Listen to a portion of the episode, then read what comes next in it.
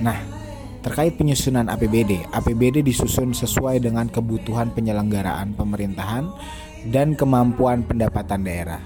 Kemudian penyusunan rancangan APBD berpedoman kepada rencana kerja pemerintah daerah dalam rangka mewujudkan tercapainya tujuan bernegara. Dalam hal anggaran diperkirakan defisit, ditetapkan sumber-sumber pembiayaan untuk menutup defisit tersebut dalam peraturan daerah tentang APBD.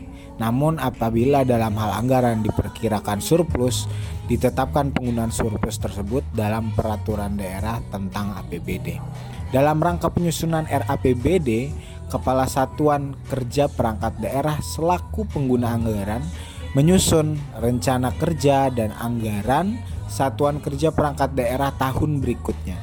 Rencana kerja Satuan Kerja Perangkat Daerah disusun dengan pendekatan berdasarkan prestasi kerja yang akan dicapai. Rencana kerja dan anggaran disertai dengan perakiraan belanja untuk tahun berikutnya setelah tahun anggaran yang disusun. Rencana kerja dan anggaran kemudian disampaikan kepada DPRD untuk dibahas dalam pembicaraan pendahuluan RPPD.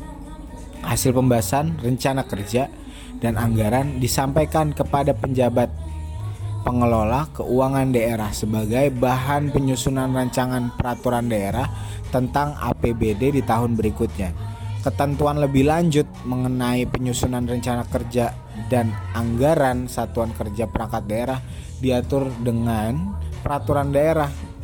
Nah, nah selanjutnya pengajuan dan pengesahan RAPBD menjadi APBD. Pada tahap ini pemerintah daerah mengajukan rancangan peraturan daerah tentang APBD disertai penjelasan dan dokumen-dokumen pendukungnya kepada DPRD pada minggu pertama di bulan Oktober tahun sebelumnya. Kemudian pembahasan rancangan peraturan daerah tentang APBD dilakukan sesuai dengan undang-undang yang mengatur susunan dan kedudukan DPRD. DPRD kemudian dapat mengajukan usul yang mengakibatkan perubahan jumlah penerimaan dan pengeluaran dalam rancangan peraturan daerah tentang APBD. Nah, kemudian pengambilan keputusan oleh DPRD mengenai rancangan peraturan daerah tentang APBD dilakukan selambat-lambatnya satu bulan sebelum tahun anggaran yang bersangkutan dilaksanakan.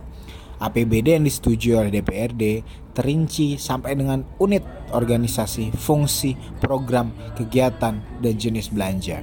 Apabila DPRD tidak menyetujui rancangan peraturan daerah sebagaimana yang dimaksud dalam ayat 1 untuk biayai perluan setiap bulan pemerintah daerah dapat melaksanakan pengeluaran setinggi-tingginya sebesar angka APBD tahun anggaran. Pelaksanaan APBD setelah APBD ditetapkan dengan peraturan daerah. Pelaksanaannya itu dituangkan lebih lanjut dengan keputusan gubernur atau bupati atau wali kota. Pemerintahan daerah menyusun laporan realisasi semester pertama APBD, dan prognosis untuk enam bulan berikutnya. Laporan realisasi semester pertama APBD disampaikan kepada DPRD selambat-lambatnya pada akhir Juli tahun anggaran yang bersangkutan untuk dibahas bersama-sama antara DPRD dan pemerintah daerah. Kemudian, penyesuaian APBD dengan perkembangan atau perubahan keadaan dibahas bersama DPRD dengan pemerintahan daerah dalam rangka penyusunan perakiraan perubahan atas APBD tahun anggaran yang bersangkutan. Apabila terjadi yang pertama, perkembangan yang tidak sesuai dengan asumsi kebijakan umum APBD. Yang kedua, keadaan yang menyebabkan harus dilakukan pergeseran anggaran antar unit organisasi, antar kegiatan maupun antar jenis belanja. Yang ketiga, keadaan yang menyebabkan saldo anggaran lebih tahun sebelumnya harus digunakan untuk pembiayaan anggaran yang berjalan. Kemudian yang keempat, dalam keadaan darurat pemerintah daerah dapat melakukan pengeluaran yang belum tersedia anggarannya yang selanjutnya diusulkan dalam rancangan perubahan APBD atau disampaikan dalam laporan realisasi anggaran. Dan yang terakhir, pemerintah daerah mengajukan rancangan peraturan daerah tentang perubahan APBD tahun anggaran yang bersangkutan berdasarkan perubahan untuk mendapatkan persetujuan DPRD sebelum tahun anggaran yang bersangkutan berakhir.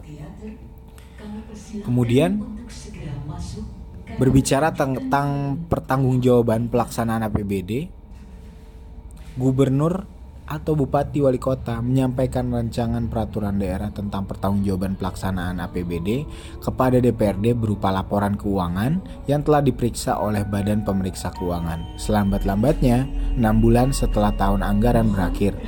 Laporan keuangan dimaksud setidak-tidaknya meliputi laporan realisasi APBD, neraca, laporan arus kas, dan catatan atas laporan keuangan yang dilampirkan dengan laporan keuangan perusahaan daerah. Sekian tentang APBD, dimulai dari penyusunan, pengajuan, hingga pertanggungjawaban sudah dijelaskan. Terima kasih atas kesempatannya telah mendengarkan podcast dari saya. Wassalamualaikum warahmatullahi wabarakatuh.